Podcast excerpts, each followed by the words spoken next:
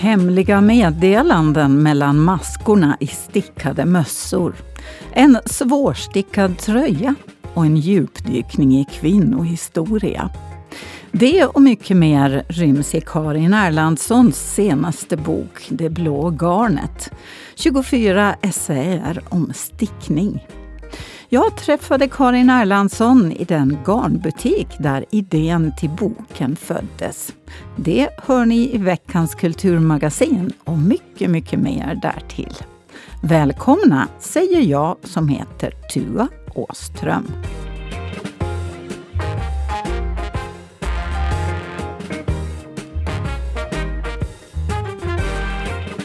Och vi börjar som vanligt med några kulturklipp från den gångna veckan. Nej, det blir ingen flytt av statyn av pistolen med knut på pipan som Anders Wiklöf donerade till landskapsregeringen. Det är en grupp som dagligen håller manifestationer utanför ryska konsulatet i protest mot Rysslands invasion av Ukraina hade framfört önskemål om att statyn Non-Violence skulle flyttas till platsen där de manifesterar. Men det blir inte så. Donatorn Anders Wiklöv tycker inte att det är en bra idé. Jag skänkte den i och för sig självklart till landskapet och platsen utanför landskapsstyrelsens här huset. Men ska man sätta den här pistolen, den här fredssymbolen utanför ryska konsulatet i esplanaden så faktiskt kräver det ganska stora arbeten runt omkring det här. För det första så är det mjuk mark där, det är ju gräsmatta. Och den här väger mycket och det måste vara ett, ett, ett stativ som kommer nu, ska komma den 29. Och det måste gjutas och grejas. Och annars, vem tar risken till exempel om en sån här ramlar över ett litet barn då, eller en person? Jag förstår den här gruppen och jag tycker att det är bra att de står där. Det är inte frågan om det och, och har det här varje dag. Men ska den här pistolen sättas där så kan jag liksom inte förstå hur det ska kunna påverka det krig som man håller på med i Ukraina. Det sa Anders Wiklöf. Skulpturen kommer alltså att stå kvar utanför lagtinget. Inför Ålands 100-årsjubileum fick Åland ännu en present av kommersrådet Anders Wiklöf. Det var en Steinway-flygel, speciellt utvald för Alandicas scen. I veckan under Gävlesymfonikernas besök fick pianisten som valde ut flygeln i Hamburg, Martin Sturfeldt, spela Grieg på den.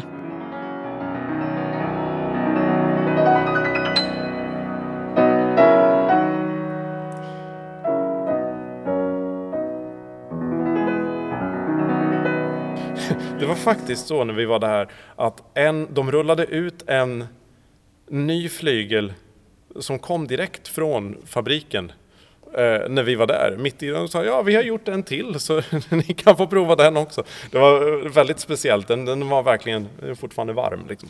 Men, eh, men de är som sagt ganska neutrala så man får liksom lyssna noga efter de här egenskaperna. Eh, det är inte så jättelätt eh, just det här att jämföra till slut så börjar hjärnan liksom, det börjar gå runt lite sådär. Liksom. Så får man försöka ta en paus och återkomma och sådär. Sen är det ju också så att eh, den är lite arbetad med. Tore Persson, pianoteknikern som var med, han har ju också varit här och arbetat lite mer än i lokalen. Eh, där märker jag också att den är lite annorlunda än så som jag kommer ihåg den nere i Hamburg. Men eh, det brukar oftast vara så att de väsentliga egenskaperna, det här liksom grundkvaliteten, den är svår att förändra. Det är därför man åker ner, det är därför man inte bara liksom beställer hem en, utan det är därför man åker en pianist och en pianotekniker ner, för att man vill liksom kunna välja bort de flyglar som man, man är tveksam till. Liksom. Så att det är kanske egentligen det allra viktigaste. Men sen så just hade vi tur då i det här fallet att vi hittade en som vi tyckte stack ut på ett väldigt positivt sätt. Och det är ju den här då. 615 888. Men eh, för oss allra flesta så är det ju så att vi kommer till ett nytt instrument varje kväll. Och det är lite speciellt. Eh, det, det är liksom en sån sak som ingår i yrket om man säger att du måste kunna snabbt ställa om till att eh, älska det instrument som du ska spela på. Eh, det, det, annars så går det inte riktigt. Liksom. Och ibland är det superlätt, ibland är det lite svårare. Men, eh, men nej, det, det, är jätteroligt och jätteroligt att vara här verkligen nu och få höra flygen här på plats och få spela. Vi ska ju spela då Griggs pianokonsert som ju är en av de absolut mest kända i hela repertoaren. En av de mest berömda eh, inledningsackorden, eh, en sån där som, som man verkligen känner igen tror jag. Oavsett om man tror att man har hört eller inte så, så kommer man märka, aha, det är den tycker jag. Det, det är verkligen eh, ja, det är en hit. Det är inte svårare än så.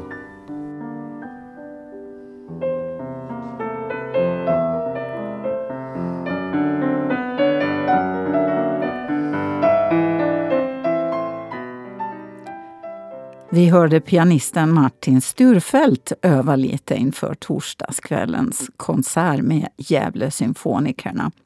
Och idag ger symfonikerna traditionsenligt också skolkonserter på Alandica. Konst av barn och unga ska det handla om nu. För framtiden heter Nipos nya utställning som kan ses fram till slutet av oktober i lokalerna på Stora gatan. Utställningen är resultatet av projektet Art Agenda 2030 som ville visa barns och ungas tankar om en hållbar framtid. Art Agenda 2030 uh, for the future, för framtiden. And it's all about the art and uh, giving a voice and the space for the young people and children. Utställningen handlar om att ge en röst och ett utrymme för barn och unga. Alla konstverk har en konversation med, ställer frågor eller ger svar till en eller flera eller alla av de globala hållbarhetsmålen inom Agenda 2030. Det handlar också om konsten och hur unga och barn ser på framtiden genom konst, säger Marika Tomu Kaipainen. Ett av de 17 utvalda bidragen till utställningen skickades in av de här två tjejerna. Jag heter eh, Sigrid Dahlsten. Och jag heter Linn Kyllönen. Vill ni berätta om eh, det som ni bidrar med hit? Eh, ja, vi har gjort en film om FNs mål. så vi har lite berättat om några viktiga liksom, mål som vi tycker är viktiga. Vi filmar oss själva och lite bilder om på världen och så. Vilka mål är det som ni pratar om i er film då? Alltså vi har med havet och eh, skog, eh, fred, eh, hunger och fattigdom. Det borde vara nästan alla. Hur kändes det när ni fick veta att ni hade kommit med i utställningen då?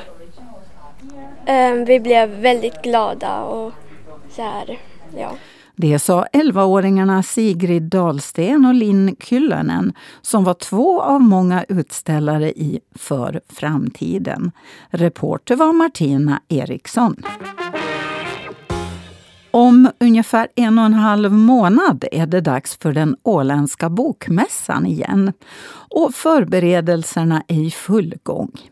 Kerstin Kronqvist från Litteraturföreningen berättar om upplägget för mässan detta jubileumsår.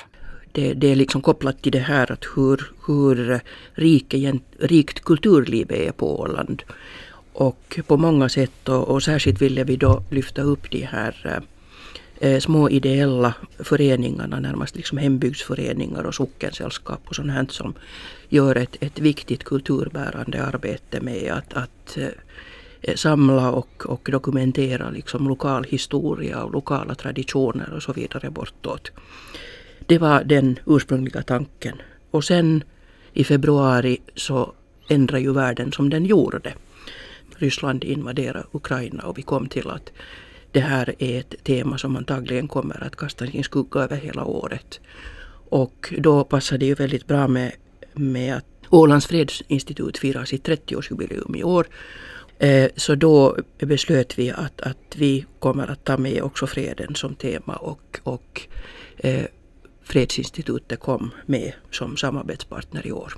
Vi har tillsammans då brainstormat och funderat på det här programmet och, och eh, det kommer att handla om eh, krig och fred, eller fred ur många, många, många olika synvinklar. Eh, vi kommer att köra scenprogrammet som gruppsamtal. Och eh, förstås så lyfter vi ju fram den, eh, det som ju alltid återkommer på, på bokmässan är ju den aktuella åländska litteraturen, både skönlitterär, skönlitteraturen och saklitteraturen. Ja. Det sa Kerstin Kronqvist från Ålands litteraturförening som tillsammans med Ålands fredsinstitut står som arrangörer för årets åländska bokmässa. Ny musik, en turné och ett nytt sätt att presentera sig på. Åländska bandet O'Reilly har mycket på gång. Två av bandmedlemmarna, Henrik Forsell och Robert Zetterqvist kom till Godmorgon i torsdags för att berätta om detta. Vi börjar med vi åkte till Vårdö. Eh, och där hade vi en konsertliknande föreställning i augusti och det var starten på den här release-turnén som vi gjorde. Sen blev det Brändö. Och där var det också då mera i konsertform så att säga. Den, den föreställningen och sen åkte vi till Borgo och där intog vi en, en, en irländsk pub som heter Old Town Public House egentligen och, och där gjorde vi en, en kväll för dem och sen hade vi en konsert följande dag på lördag i, en, i ett skärgårdsmuseum mm -hmm. mitt på dagen. Det var en sån här lite, lite gambling och lite chansning att kommer det folk hur gick det då? Det gick bra. Det var fullsatt och det var bra stämning trots att äh, vädret inte var kanske så väldigt, det var inte så varmt då men, men vi, vi skapade ändå en stämning där och det blev jättebra.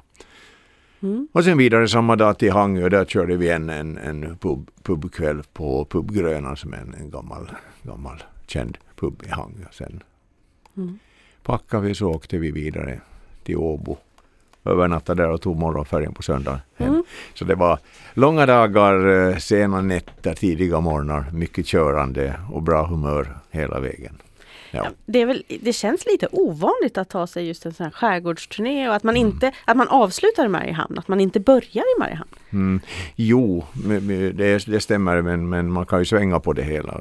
Egentligen så, så ville vi ju presentera våra, våra eh, de här musikaliska digitala visitkorten och, och, nu är det ju så att på de här ställena så fanns det inte så mycket storbildsskärmar och sånt som vi kunde, mm. för de var ju färdiga då alla våra musikvideor som vi hade gjort. Och, och, men å andra sidan sen så kunde ju kunderna, alla som ville, via en QR-kod få ta del av dem och komma in på vår, på vår sida och mm. se och lyssna på oss där. Så. Det sa Henrik Forsell och Robert Zetterqvist i åländska bandet Oh Really. Övriga bandmedlemmar är Simon Påvals, Ella Grysner Cromwell Morgan, Niklas Stjernfeldt och Kristoffer Gottberg. Josefina Jansson intervjuade. Nu är femte boken om konsten i Anders Wiklöfs privata samling klar. Det är ett praktverk som ger läsaren möjlighet att ta del av konsten i det Wiklöfska hemmet Andersudde. Titeln är Anders Udde, ett pinakotek. Den digitala tekniken går ju framåt. Eh, så det är väl framförallt det som har gjort att eh, eh, bildmaterialet känns fräschare.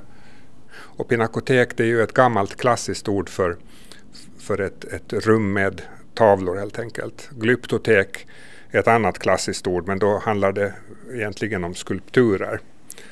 Så att vi tyckte att det här var ett trevligt ord att lyfta fram. Och, och, och Kjell, eh, du har nu då eh, gjort eh, den här boken egentligen, du har skrivit texterna. Men det är Kjell Söderlund som i hög grad har fotograferat. Kjell Söderlund och sen också Håkan Skogsjö har fotograferat en stor del också av, av bilderna. Vi har uppdaterat alla eller de flesta utomhusbilder av byggnaderna och sådär och det har då Håkan Skogsjö gjort. Det sa Kjell Ekström som intervjuades av Anki Karlsson. Man kan väl tänka sig att det är en av böckerna som kommer att finnas med på årets åländska bokmässa. En annan bok som kommer att finnas där är fotoboken Mariehamn förr och nu. I två år har Gunilla Lindros Friman jobbat med sin fotobok som innehåller precis det som titeln säger, Mariehamn förr och nu. Eh, det börjar med det att, att jag gör ju på IFOL, ett sånt program som man laddar ner, så gör jag eh, böcker liksom bara för, för mig själv privat. Och det där och så tycker jag om att dokumentera.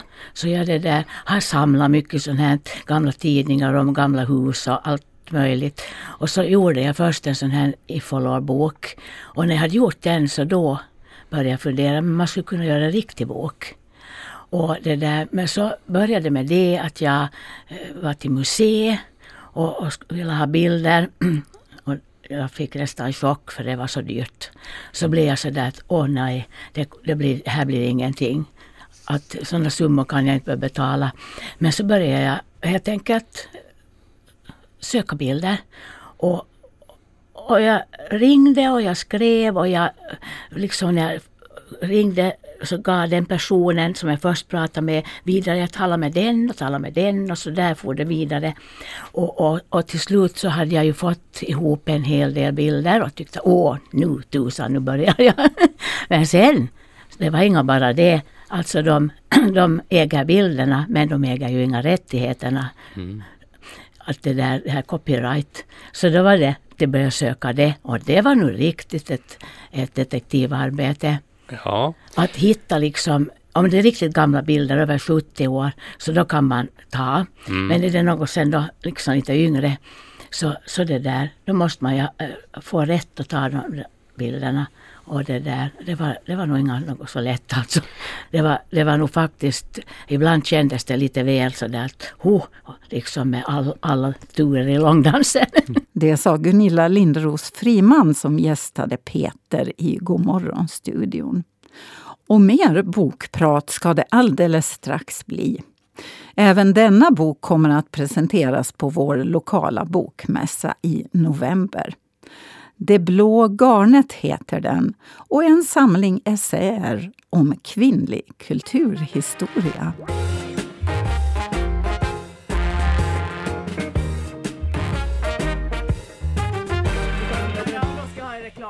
Ja men då kan jag tänkte kan använda den med att elda med eller något. Alltid besvärligt att ge sina nej, egna böcker. Nej, nej, Var gör man en intervju om en bok som heter Det blå garnet om inte i en garnbutik och dessutom Karin Erlandsson i den uh, butik i stan där, där själva idén till boken föddes. Eller hur? Ja, för det var Therese här på Therese broderi och garn som sa en gång då jag var in för tusende gången för att köpa garn. Ja, men du som skriver, du skulle ju kunna skriva en bok om att sticka. Alltså min första reaktion var så att nej, nej, nej. Och sen efter några år så var det så här, ja men det kanske jag skulle kunna. Och nu blev det, alltså det, jag vet inte, det blev knappast som hon tänkte sig, men det blev i alla fall en bok och det var hon som födde den. Så att jag är väldigt tacksam. Hur länge sedan var det då? Nej men det, måste, det var, var nog tror jag innan pandemin till och med så pass länge sedan. Okej, så det här ägget har legat och rullat på ja. där ett bra tag? Ja, men så är det och det tar ju också eh, det tar ju några år att skriva. Även om man har bestämt sig för att skriva en bok så tar det åtminstone ett och ett halvt år innan den är färdig. Mm, mm. Och stickning det är ju liksom någonting som, som är en stor del av dig. Är det ofta du är så nära ett ämne du skriver om? Ja, oj, det var en intressant fråga. Um, jag upplever nog alltid att jag är nära, för annars skulle jag inte orka skriva om dem. Men det här var ju, ett, det här var ju inte påhittat.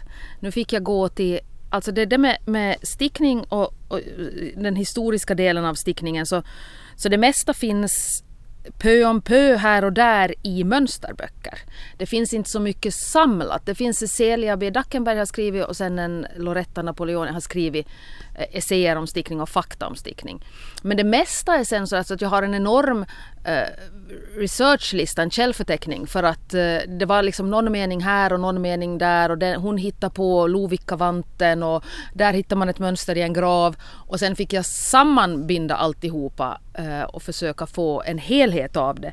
Så på det sättet så blev det ett helt annat sorts jobb än då jag jobbar med, med fantasi där jag bara får hitta på själv. Det här är ju faktiskt en faktabok. Det är forskning. Ja men det är forskning. ja. Forskning i stickning. Ja. ja, nog så viktigt. Ja. Vi sitter ju här då i, som sagt, man kan väl nästan säga att det här är stans enda garnbutik. Det finns ju andra som säljer garn men de säljer också annat. Men det här är faktiskt det är garn från golv till tak här i alla möjliga kvaliteter och färger. Vi sitter just nu eh, vid en eh, rad med ullgarn i gröna nyanser och röda och lila och gråa och så här. Ehm, hur känner du dig då du är här inne? Som att jag inte riktigt skulle ha tid att prata med dig för jag vill känna och klämma på alla garn. så känns det. Uh, nej men det är underbart. Jag trivs i garnbutiker och jag, jag köper hemskt sällan eh, garn på nätet. Eh, för jag vill, jag vill känna. Jag vill sitta och rada upp liksom, olika färger framför mig på golvet och med mönster på ena sidan och fundera men passar det här ihop? Jag är liksom väldigt... Garn är för mig en fysisk upplevelse. Mm. Kan man säga att boken då som du har skrivit är en, en del kvinnohistoria också? Ja, det är det. Eh, verkligen. Eh, för några veckor sedan så sa Ny Tids chefredaktör Janne Wass i en, huvudstad, i en intervju vid HBL eh, han hade gjort en, en undersökning om tidskrifter och så sa han att han ville upprätta statusen på tidskrifter och sa att att eh, man tror lätt att tidskrifter är någon slags fondstödd knypplingsverksamhet. Och jag blev så himla sur. För det är så typiskt honom att kasta ut en 500 år kvinnlig, alltså en, som kvinnor har upprätthållit, knyppling i det här fallet. En 500-årig tradition så här bara pff, det här kan vi se ner på. Uh, och det är lite i den andan som uh, det blå garnet kom till. Uh, det här är viktigt. Stickning är en viktig del av kvinnornas historia. Men stickning har också varit eh, viktig för till exempel eh, att kvinnor att tjäna sina, e-, sina egna pengar, vilket är väldigt viktigt för en frigörelseprocess eller bara det att eh, kvinnor har kunnat röra sig, de har kunnat bli eh, stickerskor på andra gårdar i andra byar än sin hemby. Eh, ull finns med, ull och stickande kvinnor finns med i revolutioner och lands uppbyggnad, uppbyggnad eh, spionverksamheten eh, är också, ska också tacka stickningen för att stickningen är ju till sin form binär, alltså ret och avi, så man kan koda in hemliga budskap i en mössa. Som man, ja, som man också har gjort genom historien. Så att eh, kvinnors, det mest ofarliga man kan tänka sig är en tant som sitter och stickar och där ja. sitter hon och stickar in hemliga tågtidtabeller under världskriget. Så att eh, det är också, men samtidigt så Alltså det, jag, jag, jag skriver konsekvent stickarskor mm. istället för stickare. För jag mm. tycker på något sätt att, att uh, självklart stickar också män men det är ändå kvinnor som genom uh, århundraden har upprätthållit den här traditionen som har sett till att det finns mönster, som har forskat fram mönster. Det är kvinnornas, det är kvinnornas historia det här, det är kvinnornas bedrift. Och det vill jag verkligen poängtera. Och stickning är ju också en fristad. Det är någonstans där maken och makten inte behöver göra sig besvär. Eh, vi klarar oss bra, vi behöver ingen mansplaining när det kommer till stickning. Så vill inte de vara med så tänker inte jag övertala dem, det är deras problem. Men vi har det väldigt bra vi som stickar. Ja. Egen tid också. Ja men det har det också varit under 50-talet mm. när, när eh, Alltså klart att inte alla kvinnor tycker om att sticka. För, nej. nej. För en del har det ju verkligen varit ett ok, alltså genom historien, att måste sticka. Men under 50-60-talet när hemmafruar i Sverige eh, inte kom någonsin hemifrån, hemifrån så var syjuntan och argumentet jag ska sticka till mitt barn en möjlighet för dem att komma ut på kvällen och träffa sina väninnor. Eh, skratta, ha roligt. Eh, så att, eh, jag vet inte i, i den här eh, musikalen Kai, humorgruppen Kais eh, musikal Gambemark så startar revolutionen i syföreningen, syjuntan. Och de är inte alls, de, är, alltså, de ligger väldigt nära sanningen för att det, är, det flyger så under radarn. Man tror att det är så ofarligt. Stickande kvinnor, no, där sitter de och är milda. Men där kan revolutionen börja. Alltså finns allt det där med i den här boken? Allt finns med. Och det, var, Okej. det är ju det som är så otroligt fascinerande med stickning att, eh, att det är en så väsentlig del av världshistorien. Mm. Och det börjar egentligen med då jag skrev hem den här romanen om, om tio åländska kvinnor. Eh, när jag insåg att så mycket av kvinnornas historia sitter i handlag, i konsistenser. Eh, det skrivs inte ner hur man bakar hemvete så jag fick gå en mediskurs för att få lära mig det här som s- kvinnor genom århundraden har kunnat. För att det, det nämns inte, det, på något sätt, det har försvunnit. Det är så mycket som inte skrivs ner och samlas av kvinnornas historia. Medan vi nog minsann kan truppförflyttningar in till närmsta klockslag. Så hur är den skriven? Är det berättelser? Nej, det är ser och den börjar med min födelsedag där jag eh, köper, jag får till Lottas stickstuga och så köper jag garn åt mig själv till födelsedagspresent. Och genom hela boken, det är ett blått garn, eh, många olika nystan. Eh, och genom hela boken försöker jag sticka en tröja av detta. Så dels följer läsarna med, vad blir det för tröja? Jag kan avslöja redan nu att jag drar upp den många gånger. Eh, så dels blir det en, eh, liksom en, en, en resa i min tröja. Men sen så är det mellan, så är det essäer om stickningens olika till exempel den stickade madonnan, alltså hur det första vi vet om stickning, var finns det? Det är om eh, vilka redskap vi använder, material är ull och vilka andra sorts eh, mönsterinsamlingar, hur man eh, har samlat in mönster genom århundradena, traditionen med det. Sen förstås eftersom jag är litteraturvetare så har jag också tagit fasta och läst väldigt mycket skönlitteratur och sett hur man har använt, författare har använt stickning som redskap för att säga någonting i, i till exempel Anja Snellmans Rädslans geografi så, så är det en grupp kvinnor som inte längre vill vara offer och rädda på kvällen så de vässar sina strumpstickor till vapen som är på bussen. Ja, ja, smart! Ja men jättesmart. Så sånt här finns i skönlitteraturen eller? Eh, ja, eh, så att eh, det är liksom essäer om eh, stickningens alla eh, hållpunkter egentligen genom historien kan man säga. Men det som du sitter och bläddrar i den nu, eh, det är ju alltså, det här är, det här är ingen sån här coffee table book. En sån, en sån här stor med blanka sidor och, och färgsprakande bilder. Som man, jag menar, det, stickning är färgsprakande även då den är grå. Uh, Men, men det här är alltså en liten bok, precis sådär som vilken bok som helst i bokhyllan. Och det är inte en enda bild i den. Nej, och det, det, skulle vara, det var väldigt tydligt från både min och förlagets sida att uh, Kjell och Söderströms att det skulle vara tydligt att det här är inte en mönsterbok. För det var många som missförstod att jag skulle ge ut en stickbok, att man trodde att det skulle vara mönster. Men det är det ju inte. Jag tycker känns det inte sådär som att du hade velat klämma in lite, lite tröjor i den? Nej, faktiskt inte. För dels så då jag stickar så stickar jag helst utan mönster och bara en gång. Så att eh, det jag har stickat så finns bara den gången. Och sen kan jag inte tänka mig något värre än att skriva två rätt, två av i hö- upp. Alltså nej, åh, att korrläsa det. Oh, nej, jag är inte den människan. Är du nöjd med den? Ja men jag är jättenöjd. Och på köpet, alltså jag har gett ut, dels har jag skrivit romaner och, och fiktion och sådär men och sen har jag gett ut några vad jag kallar krönikosamlingar, alltså alla orden i mig och hela himlen stormar där det är krönikor, jag utgår väldigt mycket från mig själv. Men tack vare den här så lärde jag mig skriva essäer, alltså ta in mycket andra människors och göra det till mitt material och, och liksom låta det passera genom mig och min tolkning innan jag sen skrev ner det. Så för mig var det en väldigt utvecklande process att helt enkelt lära sig eh, essäer är ju liksom mittemellan vetenskaplig text där man hela tiden ska hänvisa och krönikor där man kan vräka på vilka åsikter som helst. Essäer är ju mer på något sätt Lite mer populärvetenskapliga? populärvetenskaplig, någon slags bilder, det ska vara liksom tyngd i det man säger, liksom en, ja, det är inte bara feeling utan f- mm. känslan ska basera sig på någonting som, som är verkligt och, och det har varit väldigt roligt för mig att lära mig. Helt Mm. Det är en vecka sedan boken släpptes nu. Mm, vad har den fått för mottagande? Alltså jätte, jätteroligt för att jag, var, jag kommer precis hem från Göteborgs bokmässa Eh, där jag pratade om den på väldigt många scener och bland annat fick jag träffa Celia B Dackenberg. Oh, jag blev intervjuad tillsammans med henne. Jag har ju stickat hennes mönster sedan jag var 15 så det var stort.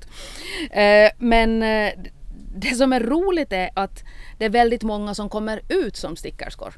Alltså, ja men också det mest överraskande människa börjar man prata om med, med stickning och det, det är någonting som har lite varit sådär vi är många som har sysslat med det utan att prata om det så mm. mycket. Privat liksom? Ja men privat och sen också kanske någonting som inte man behöver. Det är så fast förankrat i en så att jag behöver inte heller prata om det hela mm. tiden. Utan mm. det är faktiskt mitt privata. Men sen när man möter någon så pratar man ju alltid på ett speciellt sätt. Och jag hade på, på bokmässorna både i Göteborg och Helsingfors så har jag en en halsduk som vem som helst får sticka på, en sån här bokmässehalsduk. Så den ska förhoppningsvis bli jättelång och så får allihopa sticka ett eller två varv eller jättemånga varv ifall man har mycket tid. Och, och den låter jag också gå runt och jag pratar om boken så Nykarleby-martorna börja en väldigt jämn början och sen så utvidgar det sig och lite tappade maskor och så här. Men det har varit väldigt roligt att se vem som stannar vid den där korgen och, och drar iväg några varv. Kommer den till åländska bokmässan också? Ja men det hinner den komma ja. Ja, ja. så då Kanske det blir en halsduk? ja det kan nog bli en. är den enfärgad eller är det många? Nej nej jag har uh, alla mina restgarn satt jag i ah, den där ah, korgen. Okay. Uh, ja. Så det blir, det blir hemskt roligt. Mm. Och så ska vi också, Mariehamns bokhandel, eh, vi ska ha en eh, utgivningsfest på, på Café Viktor här eh, om några veckor. Och då tar jag också dit korgen så får man sticka. Så mm. det blir en sån där det är ju hemskt roligt och, och, det är så många som kan sticka. Tack och lov så lär vi oss fortfarande i den finska skolan, finländska skolan att sticka. Det är en sån allmänbildande sak som man ska kunna tycker jag. På ett foto har jag sett dig ha en grå tröja med feministknytnävar. Precis, det är den. Är det, har du stickat den? Ja, den har jag stickat själv. Eh, och den stickar jag faktiskt för att enkom ha på författarporträttet till ah. denna bok. Ah. Så den här har jag hittat på mönstret till själv också. Det är en sån här som det bara finns. Eh, alltså symbolen är, är tagen från hönsestrick eh, själva. Men sen att jag satte den i ett ok och alla de här minskningarna och sånt. Så det, det gjorde jag. För att jag ville ha en sån tröja. För att ibland så, alltså kläder kan ju också vara ställningstaganden och, och det ville jag att den här tröjan skulle vara. Den är väldigt kaxig. Grå med rosa feministknytnävar i ok som en strömseltröja fast med lite mer attityd. Ja precis, jag kallar det nog feministtröja. Ja.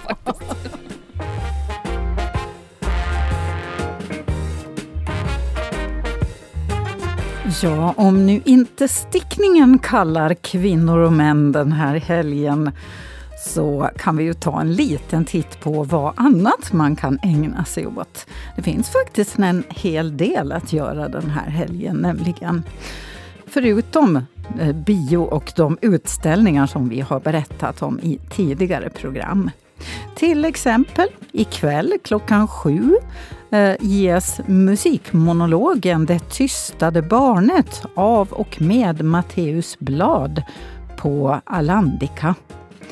Fredag till söndag spelar Kompani Nord scendramat Tusenlugn på Önningebymuseet i regi Arn, av Arn-Henrik Blomqvist klockan 19 fredag och lördag och klockan 15 på söndag. Knökfull 80-talsshow är det på Alandica på lördag, men det torde vara slut på alla biljetter till det evenemanget. Och på söndag då, Mariehamnskvartettens konsert Håll rejt på Stadshuset klockan 16 med gästsolister. Det var allt för den här gången. Kulturmagasinet är tillbaka nästa vecka. Trevlig helg!